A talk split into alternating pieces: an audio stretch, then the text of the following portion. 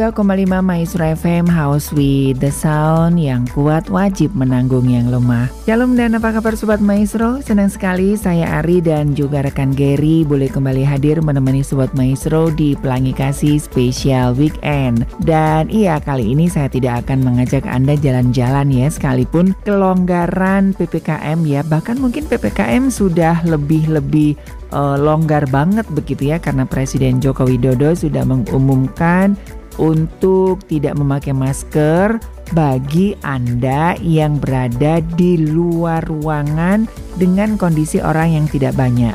Tapi kalau yang dalam ruangan atau dalam transportasi umum masih diwajibkan untuk memakai masker dan tentunya tetap menjaga protokoler kesehatan, cuci tangan dan jauhi kerumunan ya kalau nggak penting-penting amat. Karena memang selain uh, virus COVID-19 ada juga virus hepatitis yang masih misterius ya. Jadi memang kuncinya adalah menjaga protokol kesehatan dan cuci tangan itu wajib. Nah, saya tidak akan mengajak Anda jalan-jalan ya sekalipun sekarang tempat-tempat wisata udah mulai penuh, kafe-kafe sudah mulai menggeliat, staycation juga udah mulai penuh gitu ya. Saya akan mengajak Anda untuk mengenal sesuatu yang mungkin ini ini juga penting juga ya untuk kita pahami ya tentang bahan-bahan kimia. Loh, nah loh. nah, Sobat Maestro, kalau kita udah ngomongin bahan kimia itu kan kayaknya sesuatu yang mengerikan gitu ya. Aduh, jadi inget uh, ya saya kan A2 begitu ya, jadi uh, kimia ya. Jadi tiap hari pelajarannya tentang uh, kimia ya ada tabel apa namanya periodik gitu ya jadi langsung apal tuh inget twing twing twing nah Ternyata nih Sobat Maestro ya kalau kita ngomongin bahan-bahan kimia ini kan langsung yang terpikir kita adalah bahan-bahan yang berbahaya. Terus uh, untuk konsumsi laboratorium dan sebagainya. Nggak salah sih, tapi sadar atau tidak hampir setiap hari kita menggunakan banyak bahan kimia. Contohnya seperti produk pembersih kamar mandi, sabun ya. Sabun yang kita gunakan itu kan bahan kimia begitu ya. Kecuali anda di Baduy ya pakai sabun herbal ya. Pakai daun mengkudu dan daun mangkokan. Itu juga mengandung ini loh ya eh, herbal-herbal yang kimia juga sebetulnya. Nah nanti kita akan uh, dikasih edukasi ya sama rekan-rekan dari kimia market begitu ya. Uh, seperti apa sih bahan-bahan kimia itu ya? Kan ada yang berbahaya, ada yang ada yang tidak berbahaya. Nah, seperti tadi saya katakan bahwa hampir setiap hari itu kita sadar atau tidak kita bergelut loh ya dengan bahan kimia seperti pembersih kamar mandi, sabun deterjen, bahkan sampai sekarang itu kan disinfektan. Nah, ke mana-mana harus dibawa itu kan juga bahan kimia. Walaupun bermanfaat, bahan-bahan kimia tersebut juga bisa membahayakan kesehatan dan juga bisa menimbulkan beragam penyakit. Meski sering kali dibutuhkan dalam kehidupan sehari-hari, menyimpan dan menggunakan produk berbahan kimia tidak boleh sembarangan nih Sobat Maestro ya. Hal ini karena sebagian bahan kimia yang kerap digunakan di rumah memiliki potensi untuk menyebabkan keracunan yang bahkan bisa berakibat fatal ya. Memang tidak semua bahan kimia itu berbahaya kok, tapi ada bahan-bahan kimia yang kita konsumsi juga, misalkan garam, gula, air itu kan juga termasuk bahan kimia sebetulnya. Nah, seperti apa nanti penjelasannya? Tenang ya, ada teman-teman dari Kimia Market yang akan memberikan edukasi buat kita tentang bahan-bahan kimia supaya kita lebih aware. Jadi jangan ke mana-mana, tetap di Pelangi Kasih Spesial Weekend. Manusia merupakan makhluk yang berakal, dan mempunyai sifat tidak pernah puas, sehingga mendorong manusia untuk mengolah bahan-bahan alam yang ada di sekitarnya menjadi bahan yang berguna untuk memenuhi kebutuhan hidupnya. Manusia mampu membuat berbagai macam rekayasa kimia untuk mencukupi kebutuhannya. Selain bermanfaat, penggunaan bahan-bahan kimia juga dapat menimbulkan efek samping yang merugikan. Pada dasarnya, efek samping pemakaian bahan kimia berkaitan dengan kesehatan dan lingkungan. Bahan kimia alami adalah bahan kimia yang kita dapatkan di alam atau tanpa dibuat oleh manusia. Bahan kimia alami ada yang dikandung oleh bumi, udara, makanan, hewan, dan manusia.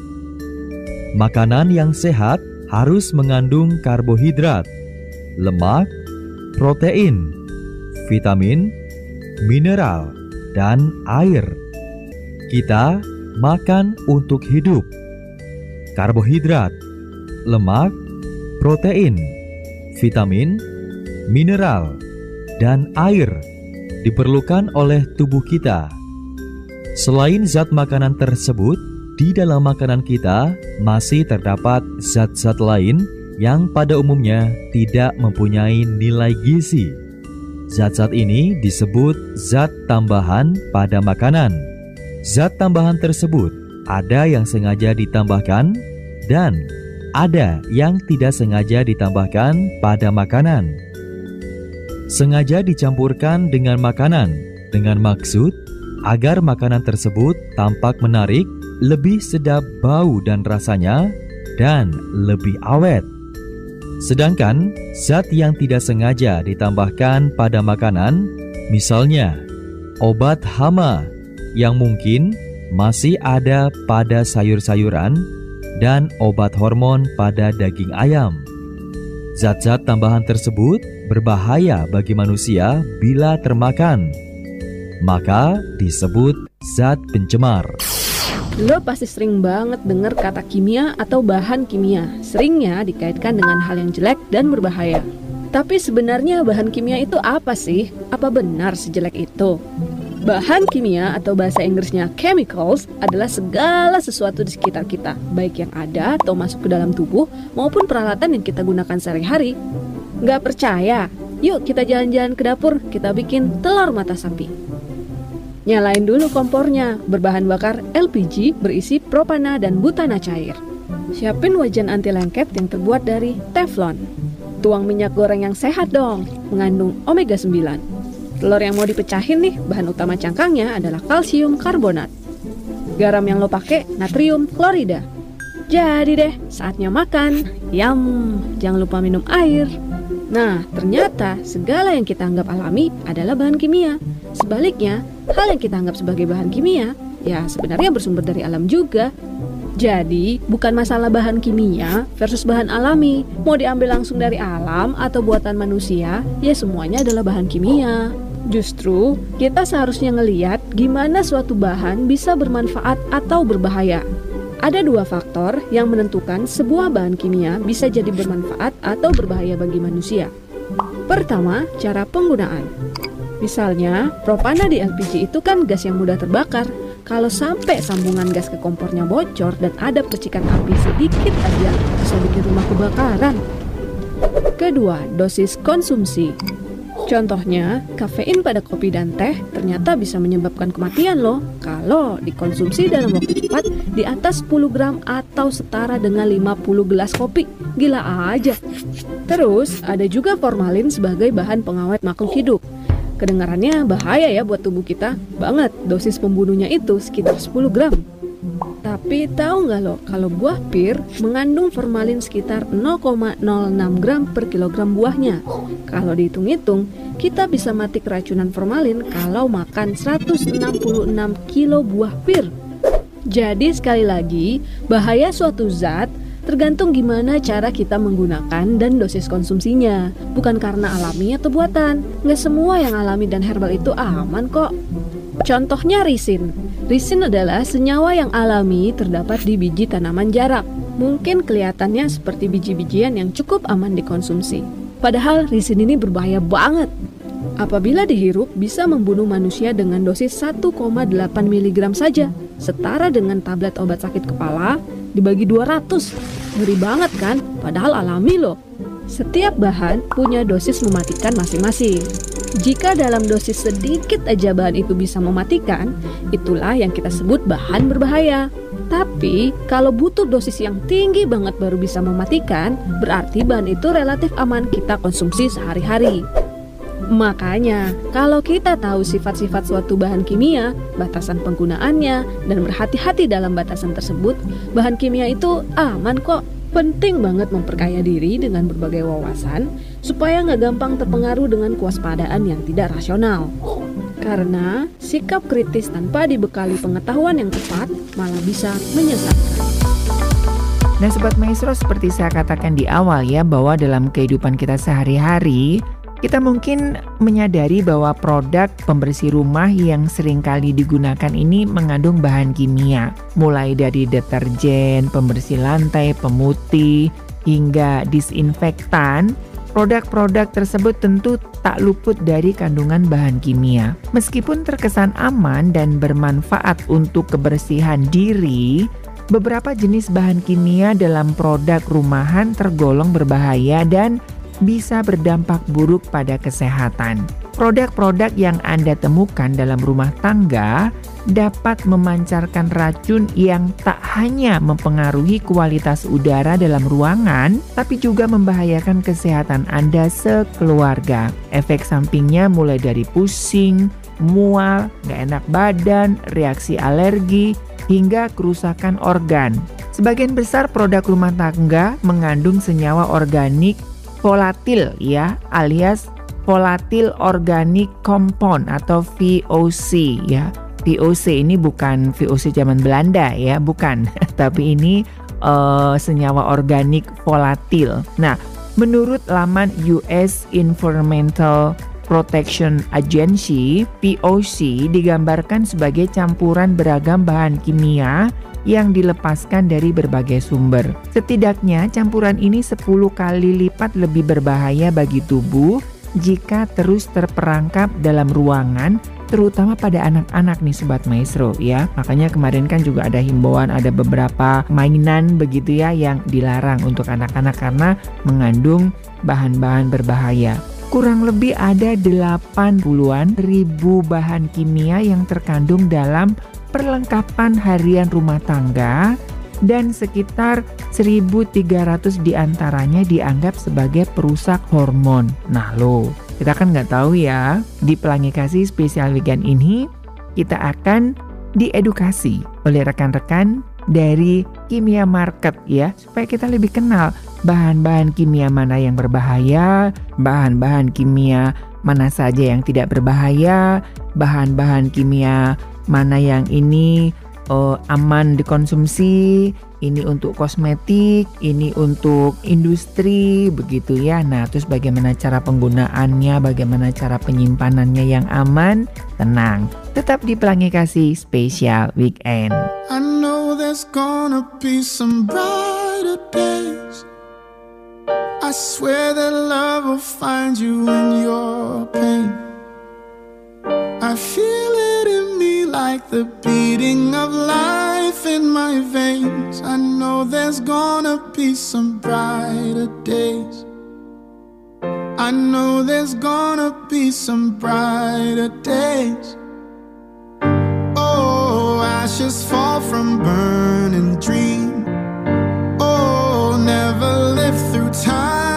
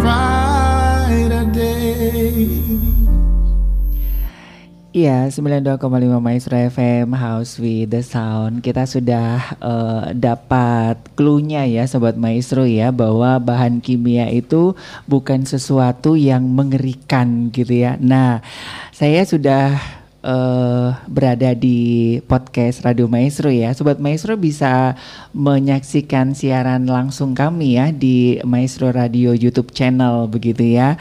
Saya sudah bersama Bapak Thomas ya, owner Halo. dari eh, Kimia Market Bandung ya, Jalan Yes. Kopo nomor 100 dan 117 17. Bandung begitu. Nah, Pak Thomas, eh, ini kan Sobat Maestro kan masih banyak yang tidak paham begitu ya tentang bahan kimia itu kan. Ah, bahan kimia ini mah konsumsinya laboratorium, konsumsinya eh, para fisikawan begitu. Nah, sebetulnya bahan kimia sendiri itu apa sih, Pak Thomas? Bahan kimia itu kalau secara teori lah ya. Bahan kimia itu adalah zat kimia murni yang memiliki bentuk materi dan komposisi dan sifat karakteristik yang konstan. Itu Hmm. secara teori. Ya. Tapi sebetulnya bahan kimia sendiri itu ada di setiap kehidupan kita sehari-hari. Betul, betul. Dan yang kita kit- hirup juga bahan kimia Betul, O2 itu kan betul. hanya murni atau tidak gitu Betul. kan. Jadi yang namanya bahan kimia dan bahan alami itu pasti saling bersinggungan. ya. Pasti. Mhm, Jadi mhm, ibaratnya kayak seperti roda kereta api ya. mhm. Roda yang kanan tarik roda yang kiri, roda kiri tarik roda yang kanan. Jadi setiap saat itu pasti saling bersinggungan. Mhm, Setiap hari kita pasti gunain bahan kimia. Betul, betul, Gitu. betul. Sama loh. Kita minum air itu itu zat kimia loh, sobat Iya. maestro, ya. H2O Nah, ya. H2O gitu kan. Yang kita hirup juga O2. Betul. yang kita keluarkan CO2. Iya. Saya orang kimia soalnya. Nah, cuman masalahnya ini kan ya itu tadi edukasi masyarakat yang kurang ya Yes. sehingga bingung. Wah, jangan ini, ini bahan kimia, Hmm, ini betul. bukan gitu kan. Padahal yang kita bilang bukan bahan kimia itu juga bahan kimia juga Betul, gitu kan. betul. Nah, gimana eh, membedakan ini bahan kimia yang berbahaya dan tidak berbahaya ini Pak Thomas? Kalau secara sekilas ya, kita bisa lihat dari gambar-gambarnya dari eh, Oh biasanya itu ada simbolnya. Nah Betul. kayak gini nih nih sobat Nah. maestro. Biasanya kalau Nah ini, ini biasanya ada di biasanya di perkantoran ataupun Yes. di toko-toko ataupun biasanya di produk-produknya gitu. Betul ada. Ada kemasannya Ada. ya. Tapi biasanya untuk produk-produk yang teknis ya sifatnya. Oh. Jadi misalnya kayak pupuk gitu, kayak eh, bahan-bahan untuk pembersih toilet, biasanya Oke, ada yang kayak gitu-gitu oke. tuh bahan kimia. Untuk yang eh, buat bahan kimia makanan nggak ada yang gambar gini ya sobat maestro. paling yang ada gini paling ya, yang kayak tanda seru gitu kan biasanya Betul, ya, ya. tanda seru. Nah itu biasanya eh, ada warningnya ya. Kalau ini tuh tanda itu ada dia bertekanan gasnya cukup tinggi. Kayak kita di rumah aja LPG itu kan juga bahan kimia. Betul banget, Gitu Mas kan. Ari. Oke, nah sebetulnya eh, apa namanya eh, dengan bahan kimia ini kan, eh, nah contoh-contohnya kan ada di sini Betul. ya, kayak sabun gitu kan. Nah mengenal mengenal bahan kimia yang yang berbahaya dan tidak berbahaya itu itu itu bagaimana Pak Thomas? Kalau bahan bahan kimianya sendiri ya, bahan dasar yang kita banyak jual nih di toko-toko kimia, Mhm. sebetulnya kita harus tahu sebelum kita beli itu kita minta ke tokonya itu sertifikat analisnya. Nah itu ya. Itu itu eh, apa namanya? itu hak hak, konsumen, betul. Oke. Dan ya puji Tuhannya toko kita selalu menyediakan sertifikatnya. Hmm. Sertifikat analis. Apabila konsumen membutuhkan, Hmm. kita pasti akan hadirkan, kita pasti akan kasih. Hmm. Nah, di sertifikat analisis itu pasti ada komponen-komponen bahan-bahan kimianya. Oke. Nah, tinggal kita cari komponen kimianya, terus lalu kita googling. Nah itu, sih penting- paling cepet Nah sih. itu pentingnya apa kok dari eh, sertifikat ini? Apakah itu memang udah lisensi dari pemerintah? Betul, Atau, sudah lisensi dari lab yang sudah terstandarisasi oleh pemerintah. Uji mutunya udah udah ada ya. Hmm. Oke. Jadi kalau misalnya nih di bahan kimia ini ada mengandung apa ya yang berbahaya itu merkuri misalnya. Iya, iya. Nah, itu udah pasti kedetek di sertifikat analisis itu. Oke. Dan walaupun misalnya ada kandungannya, dia itu udah pasti sesuai standarisasinya. Jadi nggak mungkin melebihi, nggak mungkin eh, sampai berbahaya seperti apa, Hmm. gitu. Karena kan bahan kimia kembali lagi ya, gimana penggunaan kita. Oke. Kalau penggunaannya pas, tepat, itu bagus. Tapi kalau penggunaannya terlalu banyak, Mhm. ya akibatnya jadi fatal ya. Mhm. Seperti Mhm. contohnya narkoba, Ya. itu kan dari bahan kimia. Betul, Ya. betul. Sama kafein, Hmm. teh itu kan juga ada bahan kimia, sobat maestro ya. Itu juga bahan kimia loh ya. Jadi itu juga bisa membunuh. Tapi kalau misalnya anda mengkonsumsi 50 cangkir kopi sekaligus gitu kan, itu sama dengan satu sendok sianida katanya. Wah, Mas Ari udah googling katanya nih begitu gitu kan. Nah, jadi semua ya kayak air juga itu kan yang Iya. kita minum itu kan. Ada Betul. yang bilang dan ini kan juga kadang-kadang eh, masyarakat juga bingung ya antara wah ini eh, natural, ini eh, bahan kimia Betul, gitu kan. betul. Nah, itu kan jadi ambigu gitu Iya, atau Mas iya. Nek. Nah, bagaimana ini kita sebagai masyarakat begitu untuk lebih aware dengan bahan-bahan kimia ini? Kalau yang untuk di makanan ya, Iya. untuk yang berbahaya itu udah pasti ada boraks, itu nggak boleh. Hmm. Ada formalin, ada karbon monoksida, ada sianida yang kita Oke, tahu waktu oke. itu dimasukin ke kopi, wah itu bahaya banget. Oke, nah borak ini kan ada beberapa bahasa halusnya ya, pijer. Betul. Kalau di pasar ya, Iya, itu kan dijual bebas. Saya dulu kalau di Jawa itu bikin kerupuk, kalau nggak pakai itu nggak nggak jadi gitu. Nggak apa-apa, ini kan bahan kerupuk ternyata itu Padahal- sebetul- sebetulnya itu bahaya nggak sih? bahaya kalau di makanan. Dan kita udah punya Dan itu memang bukan buat bukan. bukan buat bahan makanan Bukan. ya. Tapi kalau untuk bahan teknis, misalnya untuk bahan pengawet kayu, itu bagus banget borak itu. Oh. Anti rayap, itu bagus banget. Nah, jadi bukan untuk dimakan, bukan Betul. untuk dimakanan ya. Dan kadang-kadang industri UKM UKM yang kecil tuh, mereka nggak tahu apa Iya. bahan penggantinya ya. Padahal ada bahan bahan penggantinya yang aman, sudah terstandarisasi, Hmm. sudah ada sertifikat halal, sudah ada uji dari BPOM-nya, dan itu aman digunain. Itu apa itu kok Banyak, bahannya? banyak banget. Ada yang pokoknya mengandung fosfat itu aman Hmm. untuk digunain. Misalnya untuk pengenyal bakso nih misalnya. Oke. Atau apa eh, supaya buat mie ya, mie, mie Iya, iya. Nah itu pakai air ci gitu ya. Ya, Padahal gitu. itu kan nggak tempatnya di situ kan itu kan buat kain ya kalau nggak salah ya. Betul, betul. Air itu ya. Iya. Mhm. Atau air kapur. Padahal itu juga bahaya loh ya. Bikin peye pakai air kapur gitu kan biar renyah gitu Iya, kan. iya, iya, iya. Nah itu ya sobat maestro ya. Ini pentingnya ya. Eh, anda mencari bahan-bahan kimia di tempat yang tepat begitu ya. Jadi bisa dikonsultasikan begitu ya. Bisa, bisa. Seperti ya eh, Pak Thomas saya itu lagi mau buat bakso tapi saya nggak mau pakai bahan kimia Iya. gitu kan. Nanti kita pasti arahin sesuatu yang lebih baik lah, yang nggak akan Oke. merusak eh, cita rasanya bakso sendiri dan juga aman untuk dikonsumsi. Aman untuk dikonsumsi. Gitu. Oke, nah terus apa lagi? Saya ini tadi baru kejebak nih sobat maestro ya. Saya orang A2, cuman saya nggak tahu nih namanya ini. Ini apa coba? ini itu kalau bahasa kimianya namanya Epsom salt. Yes. Ya, Epsom salt. Sa- Aku pikir kalau Epson itu kan mesin ketik printer gitu. Epson. Karbon gitu kan. Ternyata ini apa coba? Bisa dijelasin Pak Thomas? Epsom salt itu adalah garam Inggris. Garam Inggris, Atau dulu waktu kita kecil suka dikasih minum oralit. Oralit. Nah, Nah, fungsinya banyak loh ini. oke.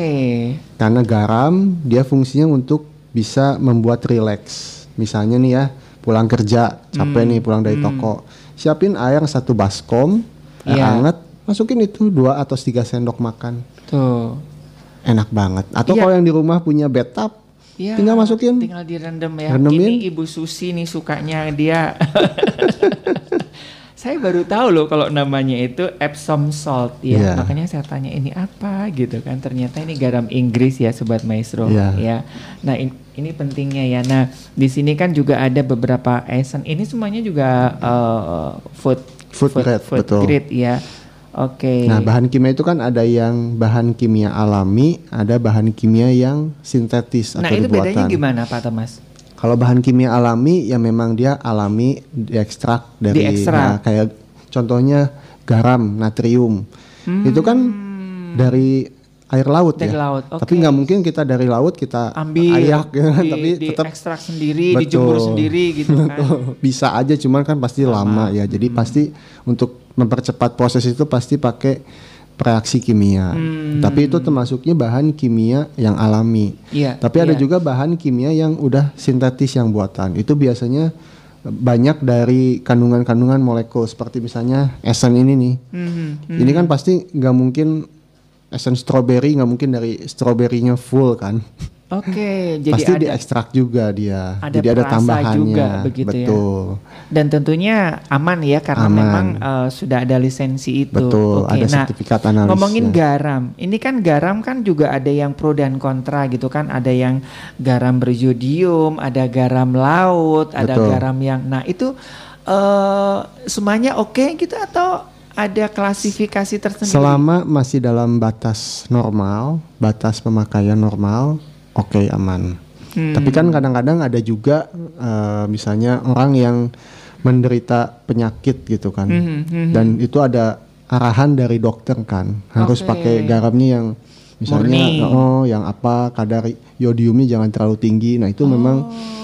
Nggak boleh sih memang apa ada ada klasifikasi Hmm. tertentu tapi kalau untuk pemakaian normal sebetulnya semua aman kok Hmm. selama masih dalam batas batas. Normal. Nah, itu sobat maestro ya, semua bahan kimia itu baik. Masalahnya adalah di penggunaan. Betul. Itu kuncinya ya. Betul. Nah, kadang-kadang kan kita nggak tahu, Pak Thomas. Mungkin bisa di, dijelaskan begitu ya. Oh, kalau ini tuh digunakan untuk ini, kalau ini digunakan untuk ini gitu. contoh Bisa produknya apa nih Mas Ari misalnya banyak. kayak misalnya Kayak yang di produk- sini aja misalkan ini ada di- ada deterjen misalnya ya. gitu kan. Nah, kira-kira ini apa aja nih bahan-bahan karena kita bilang nggak boleh bahan kimia gitu kan padahal kan sabun itu kan juga apalagi sekarang eh, zaman Covid semua orang wajib membawa disinfektan atau hand sanitizer. Nah, ini Nah, kayak gini gitu kan. Wah, itu bahan kimia jangan disentuh gitu kan. nah sebetulnya kayak misalnya kandungan cuci piring ini nih Hmm. itu kan kandungan utamanya ada ada salah satunya garam natrium Oke. garam itu fungsinya di sabun cuci Coba piring saya itu lihat ini ada ingredientnya ya. ada di depannya oh ini sorry Oke, nah ini ada ingredientnya sobat maestro ya.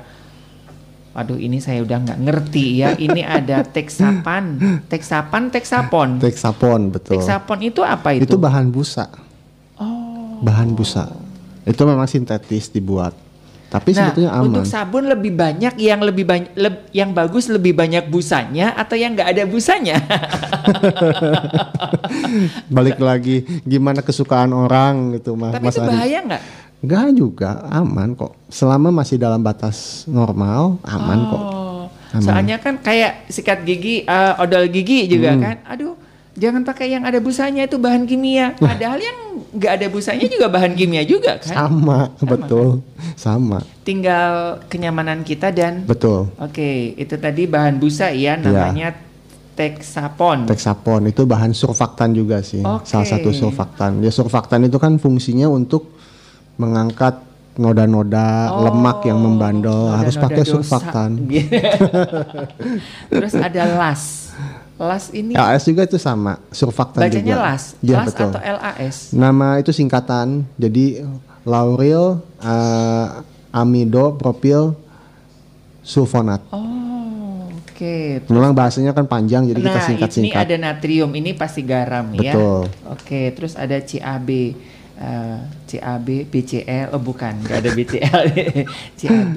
Jadi ini ini tuh, jadi kalau misalkan sobat maestro kepingin buat sabun sendiri, ini sudah ada satu paket. Sudah ada satu paketnya. Dan di setiap kandungan sabun cuci piring pasti ada bahan-bahan itu semua. Dan itu Oke. aman pasti. Gitu. Ini apa yang hitam itu? Aku Itu LAS betul. Oh LAS, ini bukan petis ya kalau di. nah ini kan kadang-kadang orang nggak tahu ya naruh di dapur gitu Ya. kan, dipikir petis. kalau saya pikir, aduh orang Jawa Timur ini petis udang tuh ya, bikin nasi lengko enak pakai ini ternyata, eh ini mah buk apa pemakaiannya buat sabun nah itu Iya. ya apa namanya pengenalannya itu juga penting ya. Nah itu tadi saya juga agak kejebak tuh Pak Thomas Yang mana? Nah, Ini? ya kadang-kadang eh, kita juga agak itu kalau enggak. Nah, gimana cara cara menyimpan lebih aman gitu Kalau ini disimpannya lebih aman sih di toples. di toples dan di labelin ya, Betul, dikasih dilabelin. tulisan ya. Terus kalau mau aman lagi jangan kena sinar, masukin ke lemari yang gelap gitu. Oke. Dan Itu disimpan citron jangan ya sobat maestro. Mm-mm. Citron saya pikir gue ngapain Pak Thomas bawa gula Tapi pasir. citron ini Tahu juga- aja ya kita di atas gula pasirnya habis ya. Citron ini pun dipakai untuk sirup kan biasanya. Oke. Asam citron itu dipakai untuk sirup biasanya. Bikin sirup-sirup Untuk gitu. apa ini? Untuk Pemanis. Untuk, pe- oh, untuk pemanis. Iya, karena rasanya manis, asam.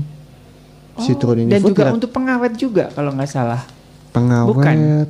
Bukan. deh kayaknya. Oke, nah itu ya sobat maestro ya. Jadi jadi eh, nanti ada edukasinya loh ya. Dan ini luar biasanya di eh, kimia market ya. Jadi anda mungkin agak-agak bingung dengan bahan-bahan kimia nanti bisa dikonsultasikan. Nah, kita apalagi apalagi nih contoh-contoh bahan-bahan kimia yang dekat dengan eh, kehidupan kita sehari-hari yang orang tua bilang jangan ini bahan kimia padahal Yang dekat ya. iya Apalagi buat dipakai sama anak-anak setiap hari ya. betul Lem.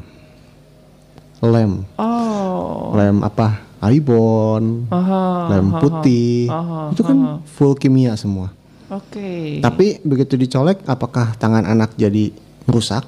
nah sekarang ini kan lagi banyak lagi trending tuh anak-anak mainan lem gitu kan dan itu jadi satu dan ada beberapa yang bahaya gitu Hmm, sebetulnya sih kalau selama masih dalam pengawasan orang tua ya, kayak contohnya kita bawa nih satu produk slime. Oke, Slime, nah ini yang lagi trending ya. slime ini sendiri asalnya dari lem kan, Oke. lem putih kan. Lem putih sendiri itu bahan kimia. Cuman dari lem ini diolah untuk menjadi bahan terapi untuk anak gitu. Itu fungsinya buat apa sih soalnya? Sebetulnya sih awal mulanya itu dibikin untuk terapi anak. Katanya buat Oh, untuk melatih buat ini ya, apa, apa, namanya? motoris ya. Motoris, betul, anak katanya betul. gitu. Cuman ya lama-lama kan makin banyak tuh di pasaran tuh jualan ya. slime, slime Betul, di betul. toko mana juga banyak pasti slime. Cuman pasti banyak orang tua yang bertanya, Hmm. "Ini bikin slime kayak gimana sih?" Hmm. Nah, dari situlah kita mulai bikin, dan paket DIY-nya. Oh, ini udah ada paketnya. Jadi ya? kita kasih tahu nih edukasi nih Dah. bahan slime itu sebetulnya ini loh dan aman loh selama nggak dikonsumsi ya nggak dimakan. Tapi Oke. kalau buat untuk main-main aman aman banget. Nah itu itu itu Jadi kita juga harus- edukasi sama masyarakat bahwa nih buat bahan kimia itu nggak sesulit gimana loh.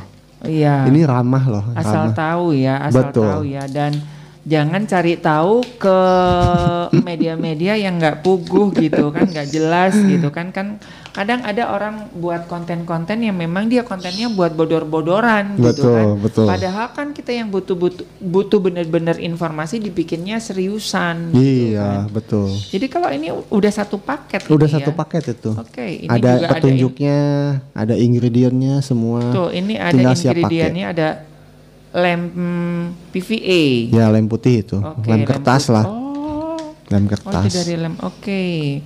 Nah, jadi itu ya sobat maestro, jangan coba-coba. Boleh coba-coba tapi dengan bahan-bahan kimia yang memang kita sudah kenal dan kita Ya. sudah paham Betul, gitu kan. betul. Oke, dan apalagi nih Pak Thomas yang dekat dengan kita. Nah, yang Hmm. harus diwaspadai, Yang harus diwaspadai yang ya. harus diwaspadai. Kecuali kalau yang ada ini ya sobat maestro kayak LPG ya, itu jangan jangan ditaruh di eh, apa namanya eh, ruang tidur gitu. Iya. Mungkin yang lagi trending itu adalah skincare ya, produk skincare. yes. Produk skincare Oke. itu yang harus diwaspadai. Jadi Hmm. kalau memang skincare itu udah aman, bahan-bahannya di kandungannya itu aman, Mhm. Itu aman layak digunakan. Cuman kan kadang ada yang mengandung merkuri, tapi memang merkuri itu memang untuk kulit itu kulit. banget. Oh. Tapi efeknya Tapi itu bukan untuk kulit kan Bukan, sama merkuri sekali itu bukan ya. untuk kulit. Itu kan buat pabrik ya kalau Betul, nggak salah. betul. Nah, sobat maestro, apakah wajah Anda eh, seperti pabrik baja? Ya silakan. Tapi memang itu nggak boleh ya penggunaan Sama merkuri sekali apa pun boleh. apa pun apa pun itu jenis skincare-nya. Ya. Kan kadang-kadang ada yang diplesetin gitu. Nama-nama kayaknya itu itu mah oknum ya oknum berarti sih ya. kayaknya. Menurut saya nggak boleh, sama sekali nggak boleh. Karena dari pemerintah juga udah ada larangannya kok. Hmm, Dan memang penjualan si bahan baku merkuri sendiri itu udah dibatasin.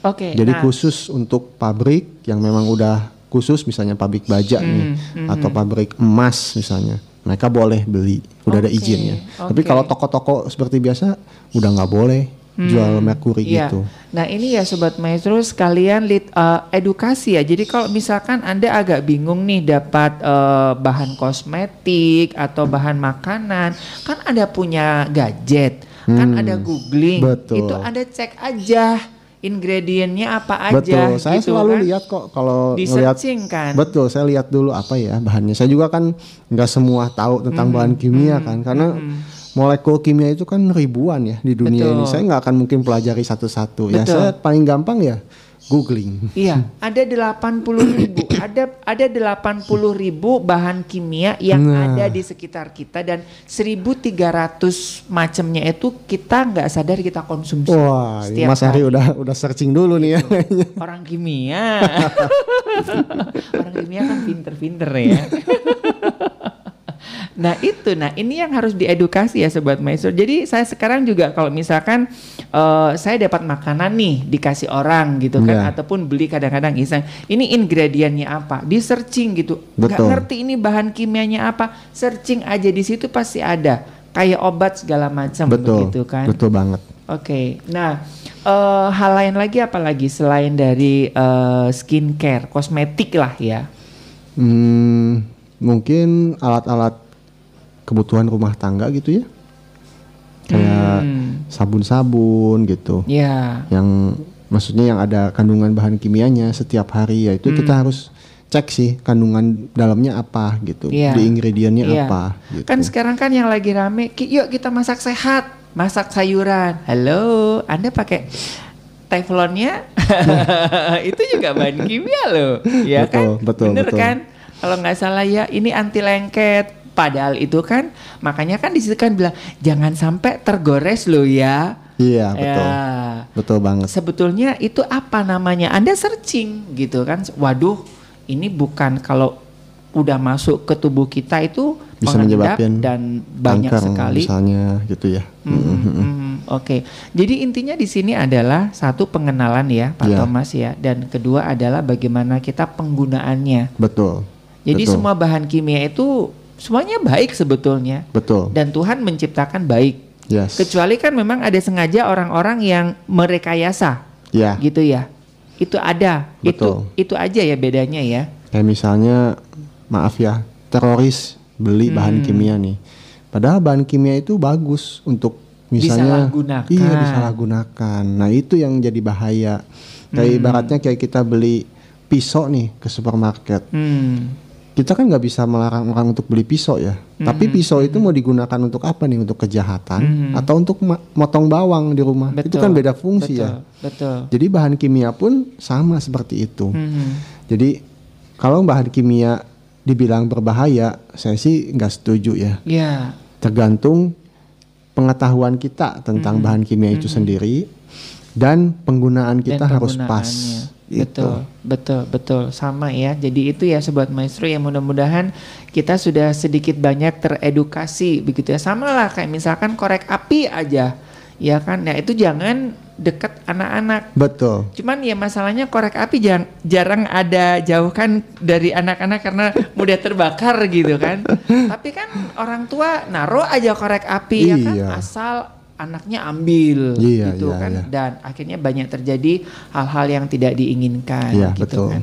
Naruh bensin, bensin itu kan juga bahan kimia itu kan jahat enggak juga kan kita Iya. butuhkan bensin tapi bagaimana penggunaan kita dan eh, penyimpanan ya kadang-kadang kita yang agak sedikit abai dengan nggak Penyimpanan. paham dengan penyimpanan. Nah itu kira-kira seperti apa ini Pak? Seperti yang saya bilang tadi, bahan kimia itu harusnya diwadahin. Begitu kita beli nih, kita wadahin, masukin ke toples, jauhkan dari anak-anak, Hmm, simpen di tempat yang gelap dan suhu ruangan nggak masalah. oke. supaya bahan kimianya tetap awet dan tetap terjaga gitu loh. Jangan kan kadang-kadang cuma misalnya beli ini nih. Kan paling cuma pakainya kan 2 Sedikit, sendok, 3 iya, sendok. iya, iya. Nanti kalau disimpan di simpan sembarangan kebuka gitu kan si plastiknya Hmm. pasti dia cepet jadi batu, jadi mengkristal. hmm, Itu udah nggak bisa dipakai, harus dibuang. Oke. Makanya lebih baik simpan di dalam toples, di seal yang rapat, masukin Hmm. ke dalam tempat yang gelap. Dan itu harus khusus ya tempat khusus ya. Soalnya ada Semestinya kejadian iya. kemarin ada ibu-ibu yang masak ternyata suaminya habis ngasih pupuk tanaman. Oh. Dipikir itu pecin dipakai masak. Akhirnya keracunan semua. Ternyata salah ngasih Oh. ngasih itu. Nah, ini ya bahayanya. Itu se- sebetulnya yang disalah yang dikambing hitam kan bahan kimia lagi. Iya. Padahal keteledoran kita Betul. begitu ya tentang uh, fungsi penggunaannya dan juga penyimpanannya, Penyimpanannya, itu ya. betul. Oke, nah kira-kira uh, di pengharum ruangan itu kan juga bahan kimia juga gitu Betul. kan. Ini masuk uh, bahan kimia herbal. Sekarang kan ada banyak begitu ya. Oh ini herbal, padahal itu juga kimia juga gitu kan. Nah, Kalau ini 100% bahan kimia sintetis karena Sintetis. parfum. Tapi ada juga yang memang eh, organik ya atau natural, yaitu dari essential oil hmm. gitu. Sama aja sih sebetulnya. Dan ini nggak berbahaya ya. tidak berbahaya karena sudah lolos dan ada uji sertifikatnya. Udah uji klinisnya ya. Gitu. Oke, oke. Asal jangan diminum ya Mas Ari. Nah itu ya sobat maestro kan itu kan ada ada ada ada tanda-tanda begini ya sobat maestro ya kalau ini tuh kan gampang meledak, Betul. kalau ini tuh gampang menguap, kalau ini tuh gampang terbakar, kalau ini tuh jadi Mudah kropos korosi. ya bikin kropos, kalau ini tuh merusak lingkungan, kalau ini tuh eh, apa ini ya pokoknya bahaya lah ya. Apalagi yang kayak beginian gitu ya. Hati-hati ya. Terus nah biasanya kalau ada Anda beli bahan kimia ataupun bukan bahan kimia ataupun produk-produk yang ada ada tanda begininya, ini jangan diabaikan. Betul. Ya, karena memang itu ada peringatan. Ada peringatan tertentu. Soalnya kan nggak mungkin ya pabrik Pak Thomas satu-satu gitu kan ini kan ada jutaan Iya. Betul. apa namanya orang apa ya Yang mengkonsumsi ya. mengkonsumsi. Nah, kalau ada tanda begini di produk apa pun, Iya. termasuk juga biasanya kan alat-alat makan ya biasanya Iya. ya itu kan ada plastik itu kan ada A1, A, Hmm. A1, A2 gitu. Ya bukan ya, ada apa gitu. Iya. Nah, ini kan ada plastik khusus sekali pakai. Oh iya ya, Iya recycle-nya kan? ya. Iya kan Mm, ada Betul. apa gitu kan. Nah, itu biasanya ada tanda begini sobat maestro, jangan diabaikan. Itu bukan aksesoris dan juga bukan buat lucu-lucuan nih ya. itu bahaya dan itu harus Anda harus perhatikan ketika Anda dapat produk yang ada tanda serunya itu harus Anda perhatikan. Yes, ya. betul. Oke. Nah, kira-kira apa yang ingin Pak Thomas sampaikan kepada sobat maestro nih yang dengar eh, acara kita hari ini? Ya, tentang bahan kimia lah ya, Bahan Mas kimia. Ari ya. Bahan kimia itu adalah bagus digunakan untuk hidup kita karena Hmm. kita 24 jam kita pasti menggunakan bahan kimia. Hmm. Dari bangun tidur sampai Tidur sebelum lagi. tidur kita Ya. pasti pakai bahan kimia. Dan yang penting kita harus tahu eh, apa pengetahuan tentang bahan kimia itu sendiri karena sekarang kan media sosial dan eh, website banyak banget ya. Kita tinggal gimana kitanya mau rajin gak mencari pengetahuan tentang bahan kimia. Dan juga kimia itu bersinggungan setiap hari dengan hidup kita. Kehidupan kita. Iya. Ya, itu aja sih Mhm. pesan Oke. dari saya. Oke, jadi eh, itu ya sobat maestro ya kita sudah dapat edukasinya dan bagi sobat maestro yang mungkin masih bingung ya ataupun cari-cari bahan kimia, nah di Kimia Market ya Jalan Kopo nomor 100 dan 117 itu Anda bisa nanti bisa konsultasi begitu ya. Ya, betul. Sekali lagi terima kasih Pak Thomas Terima buat kasih, waktunya dan Mas buat Ari. edukasinya. Dan iya sobat maestro semoga ini bisa mengedukasi kita lebih waspada dan lebih memahami tentang bahan-bahan kimia. Baik dari Gerah Maestro Jalan Kaca Piring 12 Bandung, saya Ari juga Pak Thomas dari Kimia Market Jalan Kopo nomor 100 dan 117 Bandung. Mohon pamit sampai ketemu di program Pelangi Kasih selanjutnya. Sam- Tuhan memberkati.